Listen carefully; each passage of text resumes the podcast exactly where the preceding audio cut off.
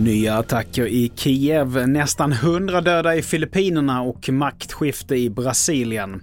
Men TV4-nyheterna börjar med att för en stund sedan så höll Sveriges finansminister Elisabeth Svantesson en presskonferens om landets ekonomiska läge. Om jag ska sammanfatta läget i ekonomin så kan man ju säga att det är en dyster bild som vi ser. Vi går inte bara bokstavligt talat mot vinter utan även svensk ekonomi går mot en rätt bister vinter. Hur kallt och bistert det kommer att bli, det vet vi inte exakt ännu, men prognoserna har som sagt skrivits ner på, på flera områden och skrivits upp när det gäller inflation. För oss och för mig är det ju viktigt att finanspolitiken i det här läget är väl avvägd.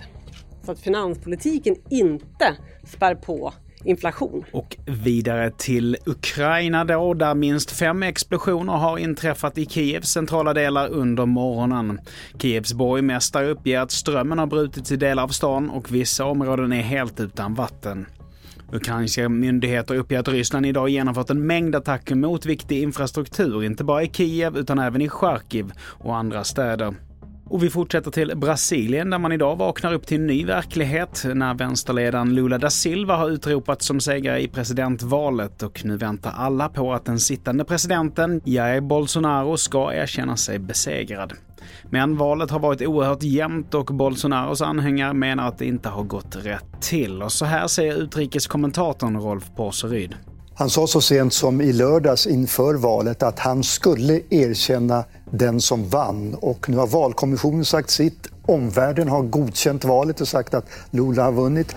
Det innebär väl att han förr eller senare måste komma fram att säga någonting. Till sist till Filippinerna där hittills 98 personer har konstaterats döda efter det oväder som dragit fram över nationen.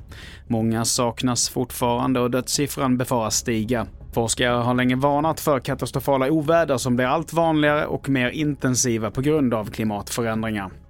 Fler nyheter hittar du på tv4.se. Jag heter Mattias Nordgren.